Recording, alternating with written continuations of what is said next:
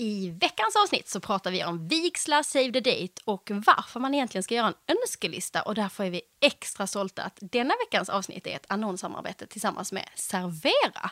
Ja, och som sagt, vårt fokus handlar om bröllop, men presentsäsongerna ser ju olika ut för, för varje kvartal. Så det här kommer nog alla ha mycket, en stor användning av framöver. Verkligen. Och grejen är så här att jag visste inte att detta fanns innan vi fick detta presenterat för oss. För Servera har ju en önskelista som man kan gå in på deras hemsida och skapa. Det är mm. servera.se önskelistan utan prickar på öet. Nu är vi där igen att jag ska säga önskelista.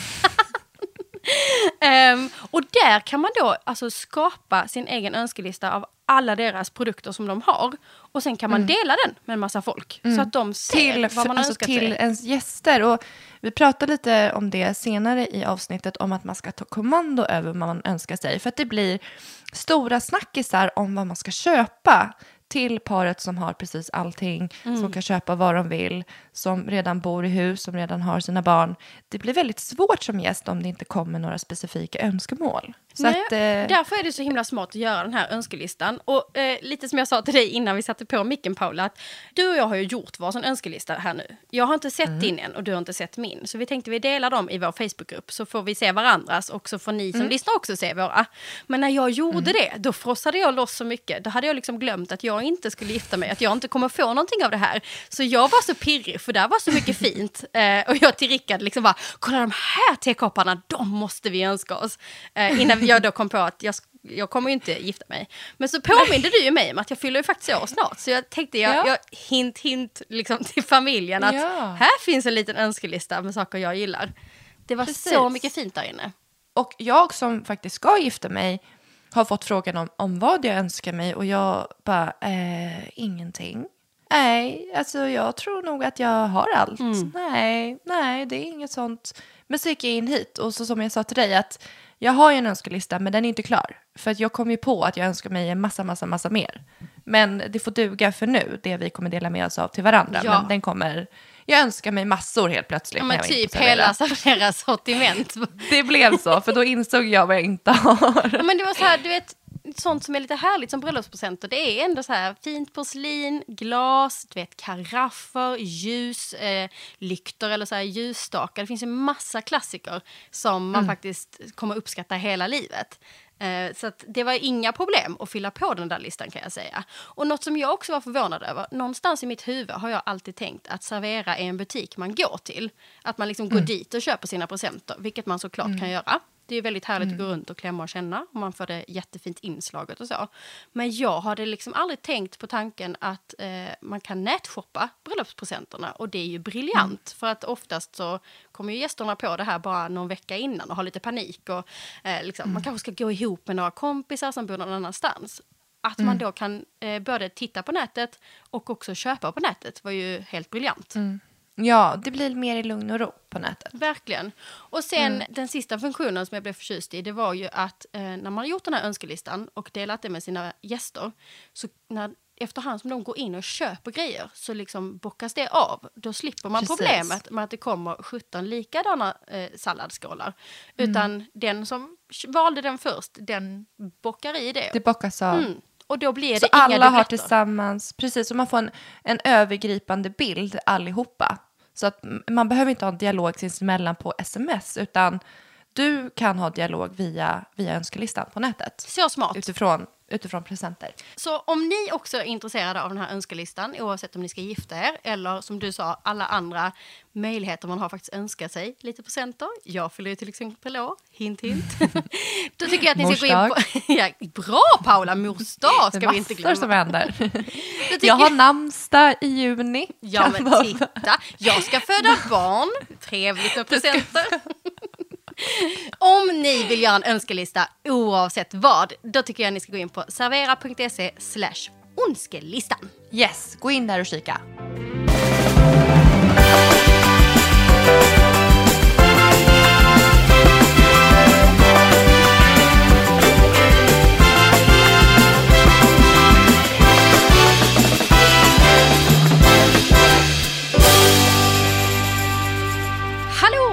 Välkomna till veckans avsnitt av Drömbröllop med Paula och Johanna! Hurra! Välkomna!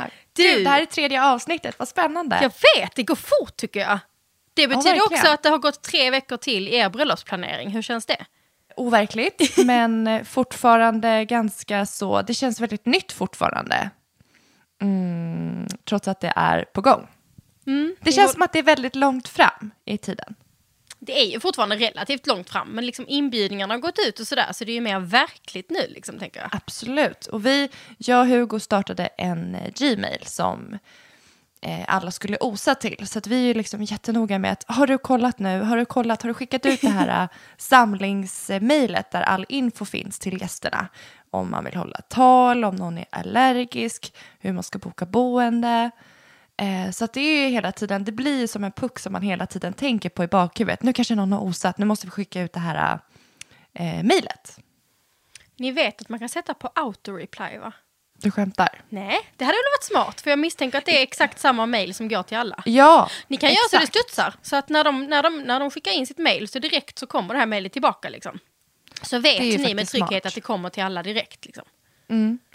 Men det är för att man är ju inte intresserad, alltså det vi, vi skriver ju upp utifrån vilka som faktiskt kommer och vad de är allergiska för. Så Mm. det är fortfarande ett moment i vardagen som inte Verkligen. har funnits tidigare. Eh, där man ska samla allting och det är inte lite gäster, det är ju, någon har ju någonting. Ja, det är klart. Och grejen är att eh, man är ju nyfiken också. Jag misstänker att ni ändå liksom vill se vem som har svarat. Såklart. Sådär. Ja. ja. Så himla kul. Och så blir man blir så glad när man ser på Insta-story att alla kompisar har fått sin inbjudan och taggar. Och, ja, men det, det är kul. Den det var är, jättefin. Kan inte du lägga upp inbjudan i Facebookgruppen? Jag tror inte vi har gjort det än. Så kan, kan alla lite få se. Du kan få, om du vill skydda så här datum och sånt där. Men liksom bara så man får se vilken stil det är liksom. Absolut, det kan jag göra. Vi- Det ska jag absolut göra. Vi är ju så nyfikna. Okej, det här tredje avsnittet så tänkte jag att vi skulle prata lite om Save the Date och inbjudningar och varför man ska göra det ena eller det andra eller både och. Och så ska vi också prata lite om det här med vigslar. Och eftersom vi ska prata om det här med vigslar så tänkte jag att jag skulle fråga dig om ditt blogginlägg som du skrev om det här med att du var sugen på att din pappa skulle leda dig fram till altaret. Vilket skapade rabalder i kommentarsfälten. Ja men verkligen. Och jag tyckte det var så spännande för att det här, att det här fortfarande är en sån stor fråga i Sverige. Så kan inte du dels berätta lite varför du vill att din pappa ska leda dig fram och lite hur ni tänker kring det. Och sen har ni också valt en kyrklig vigsel. Det är jag också jättenyfiken på. Hur, liksom, varför det ska vara en troende vigsel och inte en borgerlig och hur, ni har, hur mycket har ni tänkt på det liksom? Mm. Eh, vi, alla de här besluten kom när vi började besöka kyrkor. Och eh, varför vi valde kyrka är för att vi är uppvuxna i troende familjer. Våra familjer är mycket, mycket mer troende än vad jag och Hugo är. Så att eh, för vår del så hade det nästan kvittat. Vi hade kunnat göra det borgerligt, vi hade kunnat göra det på en annan plats, men vi hade ingen speciell plats. Vi hade ingen tanke på det. Och familjerna önskar, de, tycker, de uppskattar kyrkan. Och då tänkte vi så här, men kyrkor är jättefina, så why not? Vi la verkligen inte någon supervärdering i platsen på vart vi ska gifta oss. Och då är jag bara pytteny, lite nyfiken på hur mycket ni... För många tänker just att kyrkor är, men som du säger, vacker plats, det är väldigt stämningsfullt och fint liksom att, att vara i den lokalen så att säga. Men när man gifter sig i kyrkan så ingår ju ändå rätt mycket, alltså just en präst och eh, det är ganska mycket kring den troende akten som de kräver ska vara med liksom. I kyrkan som vi valde att ha vigseln så började vi prata om eh, prästerna. Och eh, vi har som en ton egentligen genom hela bröllopet att vi vill ha kvinnor. Vi vill ha kvinnliga bartenders, vi vill ha kvinnliga kvinnor som serverar. För att liksom, det här är girl power. Och Hugo är helt med på det. Så att då var det ju, då var jag jätteintresserad av, finns det någon kvinnlig präst i den här kyrkan? Och det fanns det. Och det visade sig att hon är den eh, moderna prästen som är öppen för förslag. Och vi har ju berättat hur vår relation till Gud är, där vi prat, sagt liksom ganska öppet att nej, vi är inte så här supertroende, men det finns, det finns salmer och det finns, eh, det finns salmer som jag och Hugo tycker är vackra. Och eh, då blir det väldigt naturligt för oss att det är de vi kommer välja. Mm.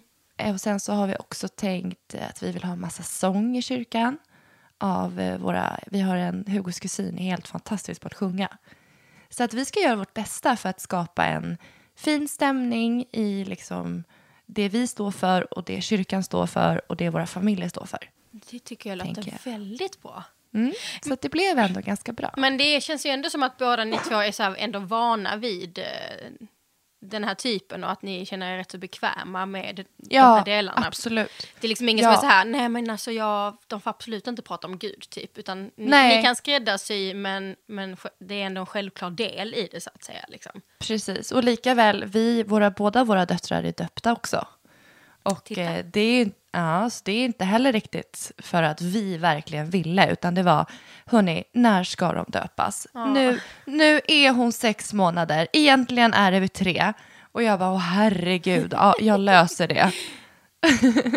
Och hur kändes det? För det är ju lite samma känsla liksom just med eh, Ja. vissa av akterna som är med. Kändes det fint och högtidligt när ni liksom stod där? Eller var det Ja, någonting det. som någon gång, av, liksom, någon gång kändes så här lite konstigt? Som att ah, Nej, men jag nu gör vi det här det för våra kändes- mammor typ. Nej, men jag, jag är ju sån familj. Jag, är- jag är sån person som... Eh, jag vill gärna att alla andra har det bra. Och finns det uttryckliga önskningar, då... För jag är inte omöjlig och jag har ingen, jag har ingen relation till Gud. Så för mig gör det varken till eller an. Förstår du vad jag menar? Jag fattar. Och sen så tyckte jag att det kändes så fint för att den som är nästan mest troende i min familj är min, eh, min mormor och morfar. Och morfar är ganska gammal, han kommer från Finland och han är så himla fin för att det här är verkligen stort att det är ett barndop och han ger alltid samma present och det är en silversked där det står fint eh, när man är född, hur gammal eller vilken tid, eh, hur mycket man vägde, hur lång man var. Och när man ser honom i sin finaste kavaj och när man ser att han är lite rörd, då tycker jag att det är värt det. Alltså det här är min äldsta släkting. Och kan jag göra honom glad i en tradition som betyder så mycket för honom, då är det självklart. Fantastiskt. Då finner inte jag min egen åsikt speciellt viktig, för att jag är som sagt ganska nollställd. Och det har ju säkert med att göra att jag är uppvuxen i en senare generation, där vi inte har samma relation till kyrkan som den äldre generationen har. För att då var ju kyrkan mer påtaglig i samhället. Idag är det mer ett val, upplever jag det som. Men jag tycker du beskriver det jättefint, för jag tror väldigt många undrar liksom, hur man tänker kring de här bitarna och ganska ofta så är det en part som tänker som du, eller som ni gör, liksom, att tänka att men jag tycker det hade varit fint att gifta mig i kyrkan, även om kanske jag inte är jättetroende. Men så kanske det är någon an- att den andra parten tycker att det känns liksom för långt ifrån en själv, att man verkligen inte vill. Liksom. Ehm, och det är oftast svårt att förklara hur man tänker, eh, eller att någon ifrågasätter jättemycket, varför ska ni gifta er i kyrkan? Någon, som inte alls kan ha den här ödmjuka öppenheten som du har. Liksom. Så jag tror ändå det är skönt för många att höra att ja men okej, men det behöver inte vara mer dramatiskt än så. Liksom, utan valet Nej, kan vara så precis. enkelt ändå faktiskt. Men jag tycker också att det är så himla viktigt att när det handlar om platsen där man ska gifta sig, då måste man utgå från vad som känns rätt, alltså partners emellan. Där ska egentligen inte familjers åsikter spela någon roll. Men i vårt fall så, vi var ganska nollställda. Jag hade lika väl kunnat gift mig på en strand eller på en plats där jag tycker kändes romantisk och fin och vår. Men vi har inte riktigt den platsen. Nej. Så att är det så att man har andra tankar och känner att man inte vill gifta sig i kyrkan men familjen vill det, då tycker inte jag att man ska lyssna på det örat. Utan er åsikt och det ni står för, det är det som ska representera er bröllopsplats. Man kan gifta sig på andra platser med präster. Så om man Ja. till exempel vill ha den troende akten men man inte vill vara just i kyrkan utan man vill faktiskt vara på en strand för man har det här stället. Då kan man ju alltid ta ut prästen ur kyrkan och placera dem precis var som helst och ha en troende vigselakt så att säga. Eh, Eller så väljer man då en borgerlig vigselförrättare som är det andra alternativet. Eh, och de, det är väldigt lite som är krav som ska ingå i en borgerlig vigsel. Liksom. De har ett par meningar och ord som är det som absolut måste vara med. Och sen kan man skräddarsy akten mycket, mycket mer, vilket eh, om man absolut inte vill ha med den här troende delen så är det ju väldigt bra, men många blir jätteförvirrade. För att det är så här, men hur ska vi veta vad vi ska ha med då? För man vill ändå ha en ceremoni, man vill liksom inte att det ska vara över på två minuter, utan en, Nej, man vill att det ska vara lite festligt och att det är Och högtidligt. En högtidligt. Ja.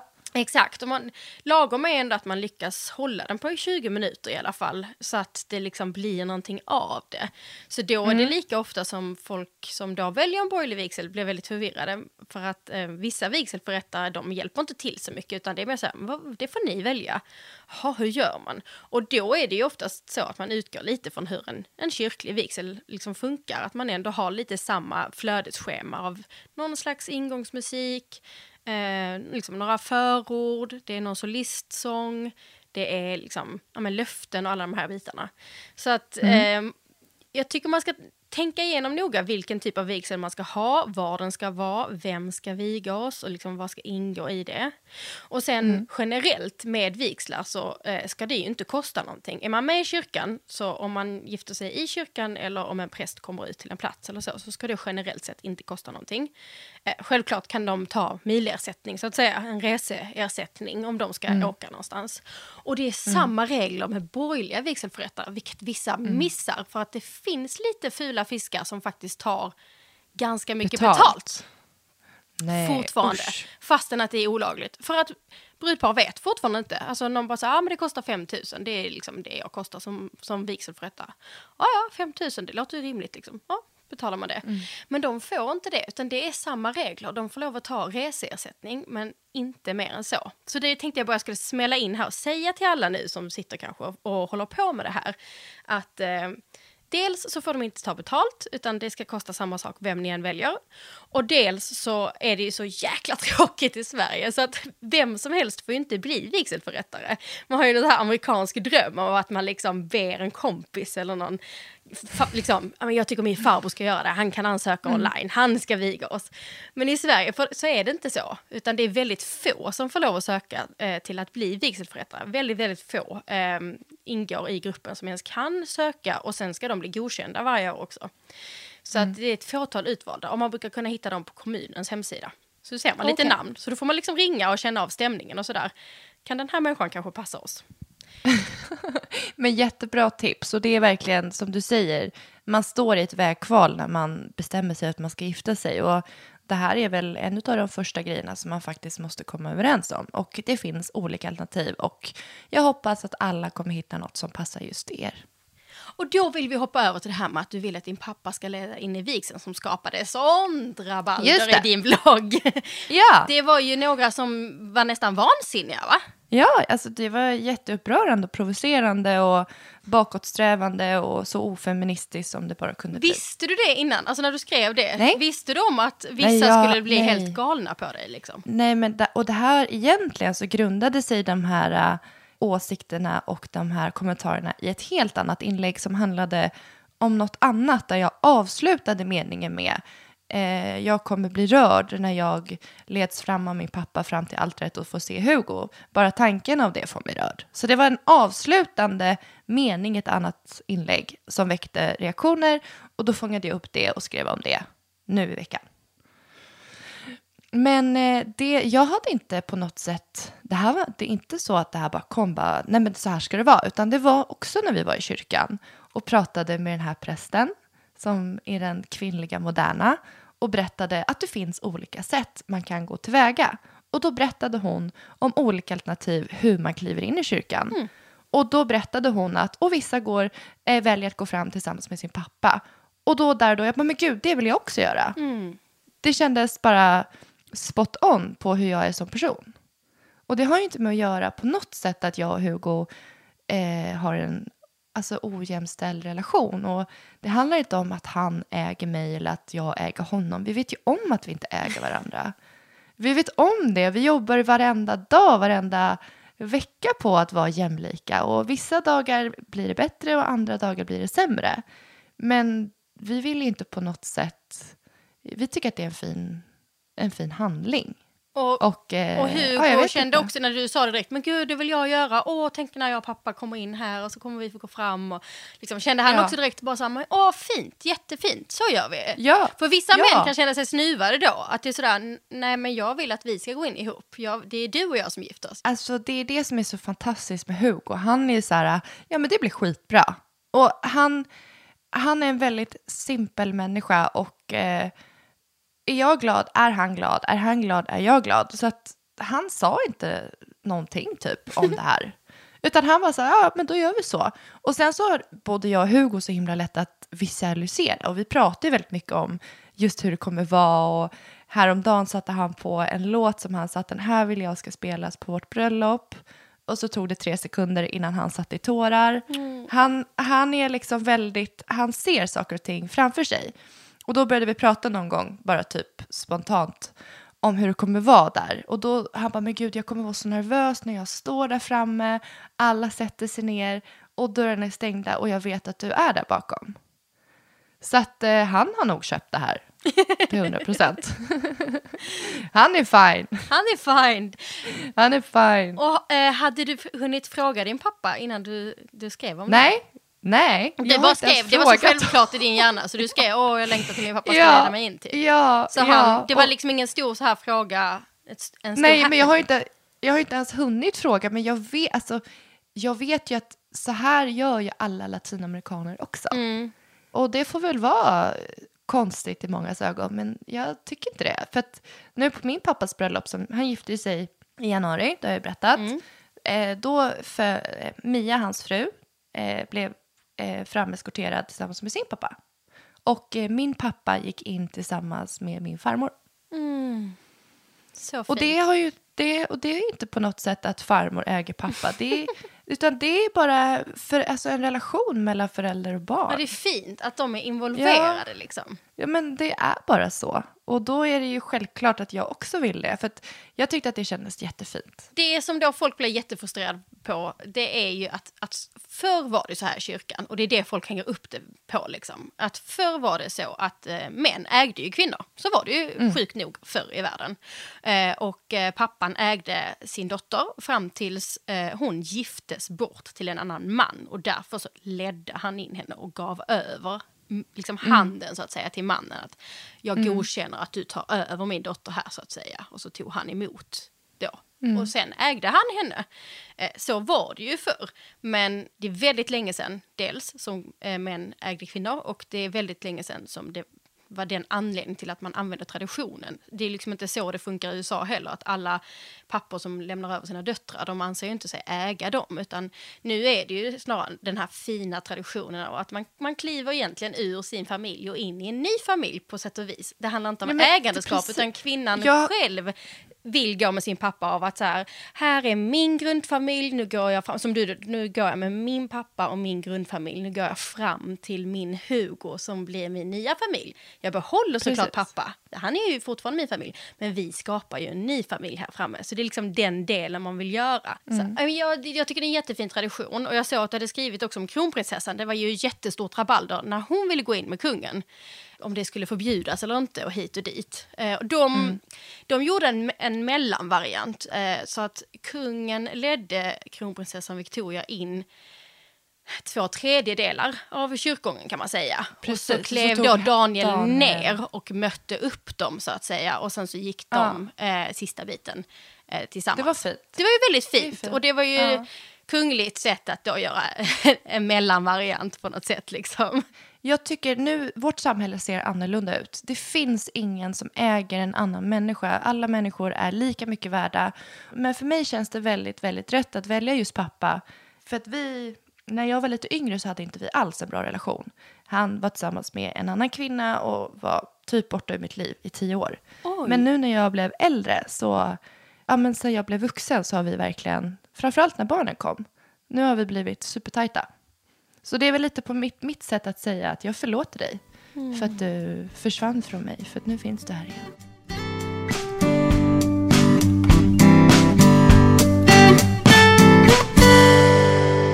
Paula. Ja, Ja! Förra veckan så pratade vi lite om att ni skickade ut inbjudningarna. Ja. Och då tänkte jag fråga, innan de gick ut, hade ni skickat det här Save the Date på något sätt då i ett eh, sms eller på mail eller Eh, på något ja. Ja. men det, allt gick fel.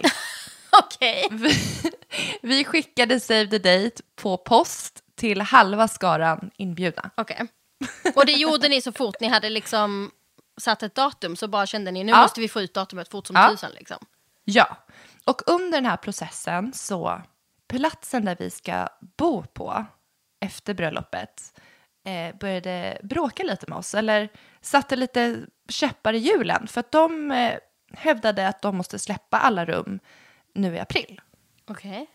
Och då har ju vi ändå prellbokat, betalat en handpenning, de ska stå för våra mat. Vi har lagt massvis med pengar redan nu för att försäkra oss om att det händer. Ja. Och då fick ju vi lite panik. Bara, men herregud, i början av april. Och vi, det här var i mellan, vad var det? Vi började skicka ut Save the Date kanske i mitten av februari. Och bara, men det här kan vi inte hålla på med. Vi måste ju gå ut med en riktig inbjudan typ igår. Så då slutade vi skicka ut Save the Date och började beställa inbjudningskort. Och det varit jättetråkigt för vi hade ju sett fram emot Save the Date och sen att vi skulle gjort en plåtning i vårt bröllopstema Ja. under våren. För att kunna skicka ut en inbjudan som är lite mer personlig med bilder på oss i början av sommaren. Men det gick inte för att eh, de, eh, ja, de ville ha det på ett annat sätt. Så då var vi bara tvungna att- skynda på det här. Men gud. Så att eh, vi hade absolut en, jag tycker det är jättekul med Save the Date. Det är spännande och det är toppen. Eh, när man själv får Save the Date, det är det första man gör. Man sätter en plupp i kalendern. Så Ja, att man blir helt att man, pirrig. man blir förväntansfull och ja, man tycker det är jättespännande. Så att eh, Save the Date är absolut inte att underskatta. Nej, nästan... Jag tycker det också. Och de som då istället, ni, eh, ni är ju rätt tajt på det inför ert bröllop eller vad man ska säga. Många Mm. börjar ju så ett, ett och ett halvt år innan. Och då är det rätt smart om man har bestämt sig att skicka ut Save the Date ungefär ett år innan. Eh, Mm. En kul detalj är att man kan se till att det landar i folks brevlåda exakt ett år innan. Om man är ute i så god tid så kan det stå idag Ja. händer det om ett år. Eh, Ja. det är liksom, det, då blir folk också rätt så taggade och eh, då har folk satt sitt lilla kryss i kalendern. Liksom. Och sen är det ingen Ja. stress med inbjudan. Det är det jag oftast tycker är det sköna med folk som skickar ut Save the Date. Att då, är, ha, då kan man få så himla mycket på plats innan inbjudan ska gå ut. Liksom. Och i en Ja. Save the Date så behöver det egentligen bara vara namn, plats och datum. Det behöver inte vara mer. Liksom. Det kan vara hur basic som helst. Och många Mm. Men så- frågar mig om man måste skicka det på posten. Nej, det måste man inte. Jag har jättemånga brudpar som skickar det på sms eller på mail. Mm. Eller förra sommaren så hade jag ett brudpar som åkte till, de, skulle, de bor i Stockholm, de skulle gifta sig på en helt annan plats. De åkte dit och så fotade de eh, lite bilder överallt och så gjorde de en Facebookgrupp istället och hade Save the Date där. Och så var det så här olika bilder. I den här kyrkan kommer vi gifta oss om ett år. Eh, på den här stranden kommer vi till att dricka brudskålsbubbel. På det här liksom så, så mysigt. blev folk inbjudna i den där gruppen och liksom fick se hur de började förbereda. Det var också väldigt gulligt. Ja. Men för att jag tänkte på det, du skrev egentligen att det, enda som behöver vara med är datum och namn och plats. Yes. Menar du plats som specifikt, alltså kyrka, Nej. värdshus, Utan man kan hotell? skriva Stockholm och sen om det är en Ja. halvtimme utanför Stockholm så, så får de reda Ja. på det sen. Utan det är mer till exempel många, som när jag bodde i Stockholm och vi skulle gifta oss, eh, så är min man från Småland och jag är från Skåne. Så för oss var det ju viktigt då att, att det stod Skåne. Så vi- visste alla smålänningar och alla stockholmare om att okej, det är den helgen och det kommer vara i Skåne. Vi skrev liksom inte ens orten i Skåne utan det räckte som en start. Ja. Bara, så här ett år innan behöver du bara veta liksom, okej. Ish vart det Ja men exakt, ska, behöver vi åka iväg, behöver vi ta ledigt, behöver vi ha barnvakt och sådär liksom. Så oftast så räcker det med att skriva liksom stad eller så. Gud, det ångrar jag mig att jag inte skrev Stockholm-ish på mina halvt utskickade sidor. Jag har ju kvar andra hälften här hemma. Okej, vi vill se dem också. Kan du, du får fota dem och lägga upp dem i Ja, gruppen också? jag ska, ja, jag ska göra det. Jag, jag, jag ska fota allting och lägga upp i gruppen. Det blir jättebra. Ja, vi är så nyfikna. Ja. Okej, och då har inbjudan gått ut nu alltså. Och då, Ja. eh, i inbjudan så ska det ju vara lite mer text. Då behöver ju gästerna veta lite mer. Och ni har ju gjort jättesmart så ni kan fylla på med ännu mer info sen i ett mejl. Vissa gör en hemsida och vissa lägger i en extra lapp med all så här, tråkig Mm. information som man inte vill ha med i huvudinbjudan. Liksom. Ja, men som du säger, hur osar man och var ska man bo och vägbeskrivning och allt vad det kan vara. Liksom. Eh, och då eh, klurade jag lite på det här med önskelista som jag alltid får frågor om eh, från mina brudpar. Um, vissa tänker att så här, "Men vi behöver inte göra någon önskelista. Vi, vi är vuxna nu, vi har ett eget hem och liksom, folk beh- vi behöver inte ha några presenter. Så de skriver ingenting om det. Medan andra skriver att presenter undanbedes. Medan andra eh, vill önska sig bidrag till sin bröllopsresa till exempel, men tycker det är lite läskigt att skriva det. Och sen finns det då de som, som jättegärna så här, alltså det är klart det hade varit jättehärligt att få fysiska saker som vi kommer ha som minnen resten av livet. Men det känns lite girigt att vi ska säga att vi vill ha exakt den där skålen eller de där ljusstakarna. Hur tusan gör vi liksom? Hur, hur, hur har ni tänkt? Hur har ni gjort? Vi var faktiskt inte så specifika, utan eh, nu i efterhand så ångrar jag mig att jag inte tog lite mer kommando när jag faktiskt, eller när vi skrev ut den här inbjudan. För att jag är ju livrädd för att få 17 olika tårtspadar. Jag är så rädd för det. Jag vet inte vad det är med mig och den här tårtspaden, men jag vill inte ha den. Nej, jag vet vad jag ska skicka som bud när ni gifter er. Med en gravering. Jajamän, här har du en jävla tårtspål, ska det stå. Grattis, grattis. Nej, men jag tror, det som många tycker är klurigt, det är ju just... ehm, man är vuxen, man har ett eget hem, man har redan köpt sina grejer, man har sitt porslin och liksom, vi kan inte ha 17 olika salladsskålar till, det går ju inte. Eh, och så känns det då lite girigt att man ska säga att så men vi gillar rörstrand till exempel, det är liksom det vi har hemma eller så. Eh, så Men det är inte girigt, jag tycker bara det är Nej, så- ansvarsfullt. och som gäst så blir man ju jätteglad. För att jag tycker, jag tycker absolut att man kan önska sig bidrag till bröllopsresan. Och vet man var man ska åka så är ett tips att man dessutom liksom kan önska sig till specifika saker man ska göra på bröllopsresan.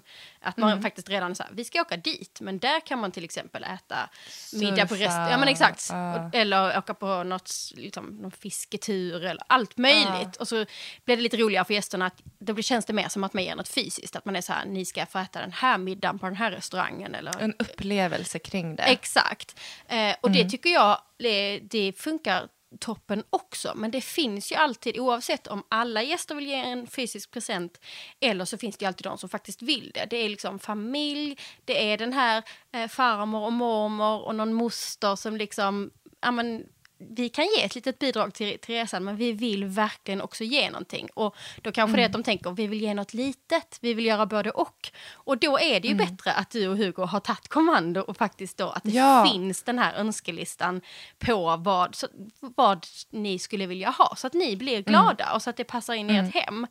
Ja, precis. Men det, för det upp, eh, vi var på, kompisar till oss gifte sig i våras. Och då gick vi, vi andra kompisar startade en Facebookgrupp. Okej, vad i HVT ger vi de här människorna som har precis allting, kan köpa precis allting de vill ha. Vad ska vi göra nu? Och då hade de en liten ettåring, så det var så här, men upplevelseresor, det, var, det fanns liksom inte riktigt utrymme för det. Och då vart det att vi gick ihop och gav dem pengar. För att vi inte kom på vad vi skulle ge. Och sen i efterhand, nu ett år senare, så har ju de kvar sina 18 presentkort på span. För att man hinner inte gå på 18 span Nej. på ett år Nej. när man har en ettåring. Så de kommer ju löpa ut nu. Ja, grejen Så är så här att någonstans, det är väl... Ta det är väl kommando Ja, ta så- över det du önskar dig. Som brudpar, ta kommando. Gör en önskelista på ett eller annat sätt. Vi tipsar ju i början av podden om en superönskelista hos våra sponsorer som funkar Precis. hur bra som helst. Men oavsett att man faktiskt har gjort en, en ordentlig önskelista.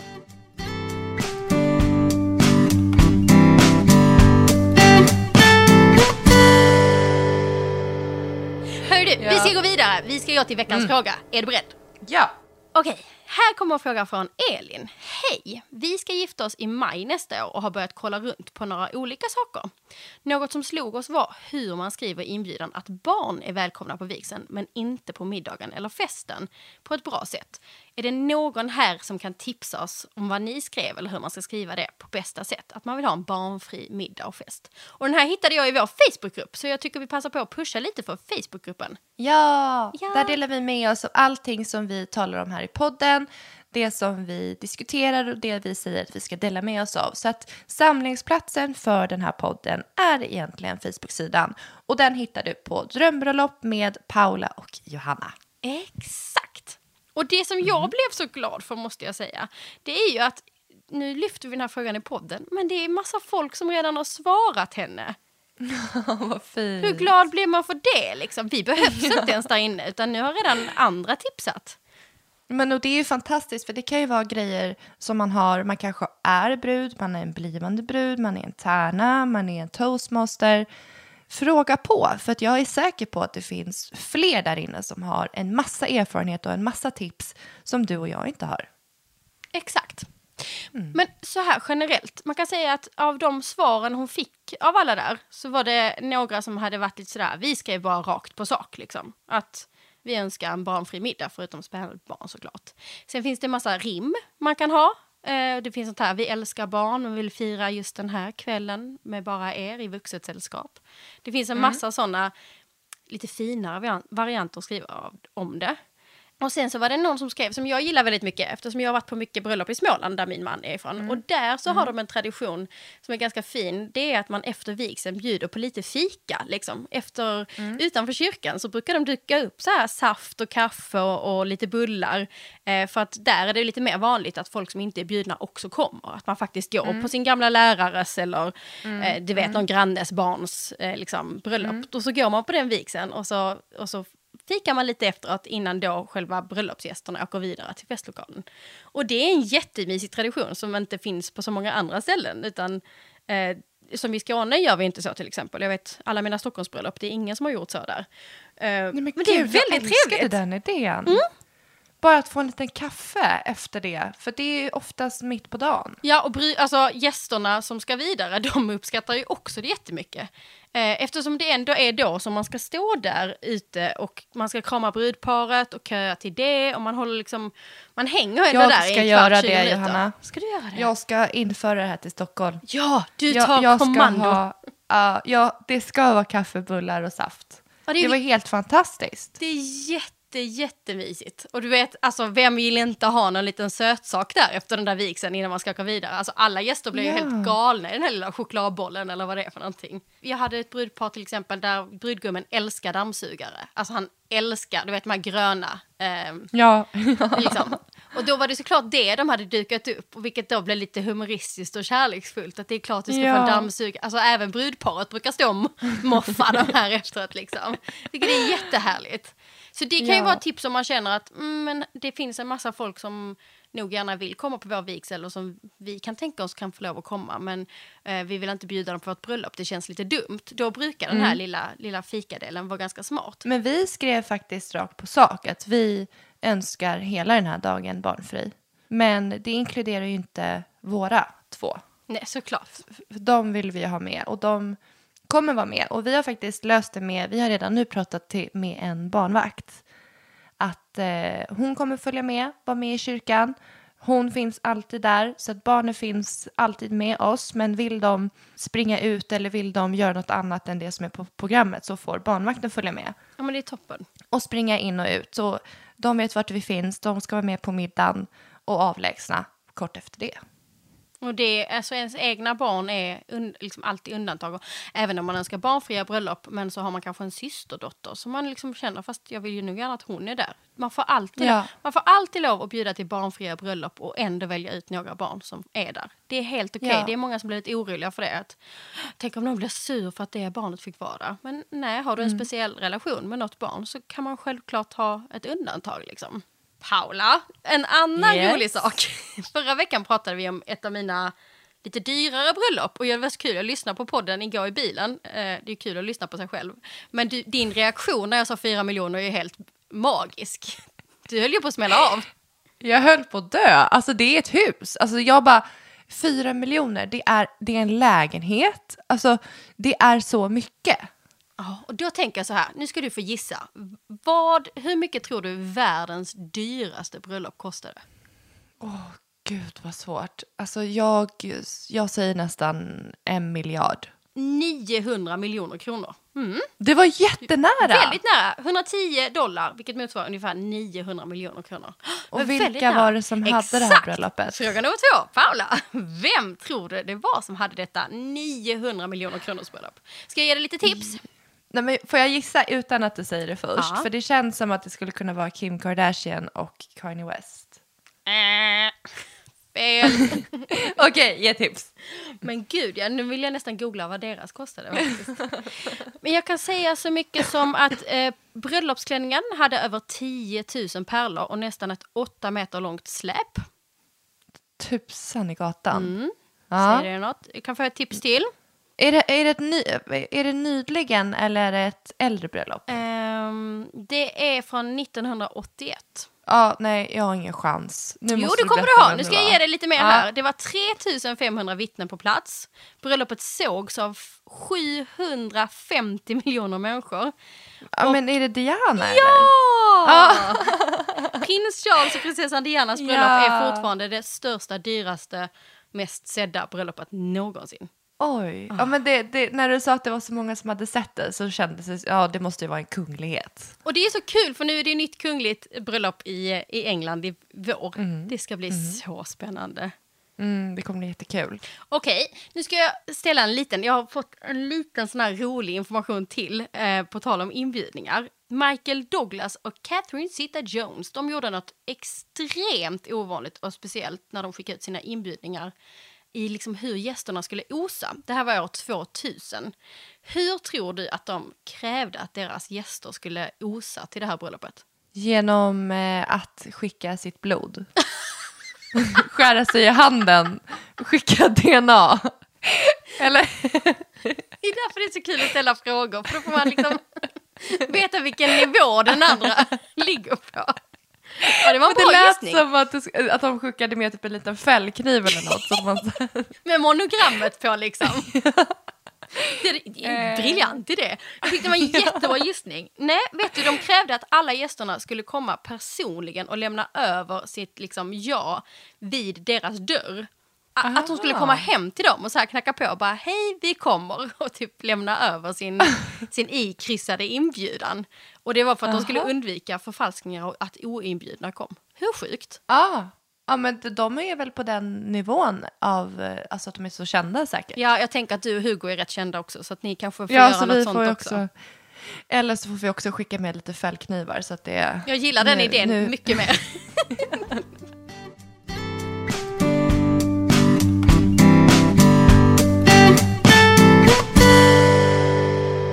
Okej, nu ska vi gå vidare till fem snabba. Ja! Oh, fem snabba. Är du beredd? Är du beredd? Ja, jag är redo. Är du nervös den här veckan? Nej, jag känner mig ganska lugn. Jag brukar oftast vara ganska lugn inför de här. Jag är också lite så här mesig med sånt här. Det känns som att om det är någon som kommer ställa lite farliga frågor så är det du. Okej, fråga nummer ett. Skulle du bry dig om någon av era gäster dyker upp klädd i vitt på ert bröllop? Ja. Okej, nu blir man ju jättenyfiken på mer. Men vi går vidare. Fråga nummer två. man vill se dig som ett monster som bara You're not the bride. Nej, men jag tycker faktiskt att det känns, alltså det är väl den enda dresscoden som jag tycker är, det är det man, man får inte ha vitt och man får inte ha någonting som liknar vitt. Det är så jag själv klär mig när jag ska gå på bröllop. Jag håller med, jag tycker också det är jätteviktigt. Jag tycker det är lite, lite så respektlöst för att en dag får man vara brud och en dag har man sitt bröllop och man ska stå i fokus. Då tycker jag att det ska, det, det är sådana traditioner som jag tycker är fina, som jag inte ruckar på. Det händer faktiskt ibland, nu har jag varit på väldigt många bröllop och det händer ibland att folk ligger på tok för nära. Och väldigt ofta så reagerar både jag och många andra också. Det är det, man blir ju ett, ett subject liksom under bröllopet när man gör så. Ehm, För att folk reagerar och det, det tänker jag att det är ju den personen medveten om när man kommer dit i en sån Ja. klänning. Och då håller jag med dig, då blir det ju respektlöst. Det är liksom inte ett allmänt misstag, jag visste inte att man skulle ha vitt, utan det, det vet ju ändå folk, det om något. Liksom. Däremot skulle jag inte bry mig typ om någon kommer i en röd klänning. För det har jag hört att man inte heller får ha. För det betyder att man har legat med, med Hugo. Är det inte så? Jo, det är en myt att det är så, men den myten Jaha. lever ju kvar. Så att ja, det, en gammal myt är att om, om någon kommer i rött har de legat med brudgummen. Nu kommer folk Mm. som har koll på vad jag hade på mig på min systers bröllop reagera. För jag hade ju en, Hade du rött? den var så urringad, den var så illröd. Det var en fjäderboa på baksidan. Men jag fick inte välja själv. Det här var ju min eh, humoristiska syster som absolut var så här, du ska ha rött på mitt bröllop. Det ska du bara. Så hon har valt klänningen och allting. Jag fick inte välja själv och det var lite för jävlas med mig för att hon vet att jag är så traditionell. inte mitt fel. Okej, nu går vi vidare. Fråga nummer två. Ja. Kommer du tycka till om vad din mamma eller Hugos mamma ska ha på sig? Liksom, hur mammorna ser ut för att de ändå är lite så här, de kommer med på lite bilder och sånt. Kommer du liksom lägga dig i vad de ska ha på sig? Gud, jag har inte ens tänkt så långt. Men jag vet ju att båda två har verkligen sina stilar. Och för mig är det bara jätteviktigt att de känner sig fina själva. Alltså att de bestämmer hur de vill klä sig den här dagen. Jag skulle aldrig, eh, om det inte är så att de, de är ju inte mina brudtärnor. Brudtärnorna, de har ju vi. Vi, ska ju, vi har prövning nästa vecka med klänningar. Och då har, jag, äh, då har jag pratat med min florist och vi har kommit överens om tre färger. Och eh, jag sa de här färgerna till tärningar, äh, tärningarna. till mina tärningar. till mina tärnor. Ja. Och frågade om det kändes okej. Och det gjorde det. Så att vi har i alla fall, vi sinsemellan överens om färger på klänningar. Men eh, nej, jag skulle inte, jag bryr mig inte. Eh, Jag vill bara att de ska känna sig vackra. Och de kommer vara jättevackra. Okej, nästa fråga. Kommer du byta om till något litet sexigt eh, när det är dags för bröllopsnatten? Kommer du smita in på toan där när du och Hugo ska gå och lägga er era svit och liksom Ja. slinka i något annat? Gud ja, och jag kommer slinka in i grejer under kvällen också. Oj, oj. Alltså,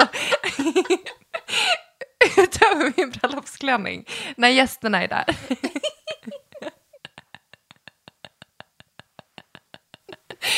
alltså, lät det fel? Det, det lät kanske pyttelite fel när du sa jag, jag kommer att slinka in i... Ja, men det bra. Menade klänningar. Ja, jag misstänkte det. Åh, Okej, herregud. ja, det är bra. Ja, men får jag, jag, har bara berätta bara lite sån sido, sidospår? Att slottet vi ska vara på har ägts av en jättehögt uppsatt porrkung som levde back in the days. Gud! Så det här är ett gammalt porrslott. Ja, men det är bra, då vet vi vad ni ska ha för tema. Det känns ju tryggt. Ja. Okej, jag har så många bilder av dig i olika sexiga outfits just nu så vi måste gå vidare. Oh. Fråga nummer fyra. Vilken låt är din och Hugos låt? Har ni en låt som är er låt? Ja. Det var nog, alltså då tänker jag ju på den låten när vi träffades. Sen har man ju massa låtar parallellt. Men den första låten som blev min och hans, den heter Ansiktet. Just det. Kommer du ihåg den? Den gick för typ några... Du och jag under täcket baby. Na, na, na, na, na, na, Passar jättebra på porrslottet ju. Gud vad bra. Men vi har, Hugo har faktiskt hittat en jättefin låt som han, den jag berättade om, han spelade den i vardagsrummet och så tog det typ tre sekunder så började han grina. Och han sa verkligen den här vill jag ha med på vårt bröllop. Så fint Så att, eh, ja, men jag kommer inte riktigt ihåg vad den heter. Nej men du kanske ihåg. inte heller vill avslöja det. Du kanske inte vill att Nej, alla det, dina det gäster kan vi göra. Nej, men det kändes så fint att, för att jag har inte ens riktigt tänkt så långt än. Men sånt där är han inne och snosar på. Ja, men det är ju då det blir romantiskt med planeringen. Det är jättemysigt. Mm. Okej, sista frågan. Kommer ni åka på bröllopsresa med barnen eller utan barnen? Båda två. vi funderar på att ta bara en weekend strax efter bröllopet, alltså ganska nära på. Och sen så har vi pratat om att vi ska göra en vinterresa tillsammans. Som också är bröllop. Så att vi, alltså vi vill inte, vi vill inte och kan inte vara borta allt för långt från våra kids. Nej. Så att eh, vi pratade lite om att kanske åka till Amalfi, för vi har velat åka dit länge, men det känns ganska otympligt med alla de där trapporna, barnvagnar, en fyraåring som inte orkar gå. Vi bara, nej, vi, vi åker inte dit med dem än. Så då kanske vi åker dit, bara vi två, över en helg. Ja. Okej, det var det jag hade i min, eh, nu när jag skulle hosta den här veckan, i veckans Ja. eh, avsnitt. Hur kändes det? Ja. Det känns som vi börjar bli lite varma i kläderna. Vi kommer in lite i det. Ja, och jag tyckte dina fem snabba var jätteroliga. Gud vad jag skrattade. Jag tyckte det var jättebra uppstyrt och som vanligt så vill vi påminna er till att prenumerera, till att gärna kommentera och eh, följ som sagt Facebookgruppen Drömbröllop med Paula och Johanna så hörs vi nästa gång. Det gör vi och så länge kan ni hänga med oss i våra sociala kanaler. Precis. om Puss er. puss! Hej då!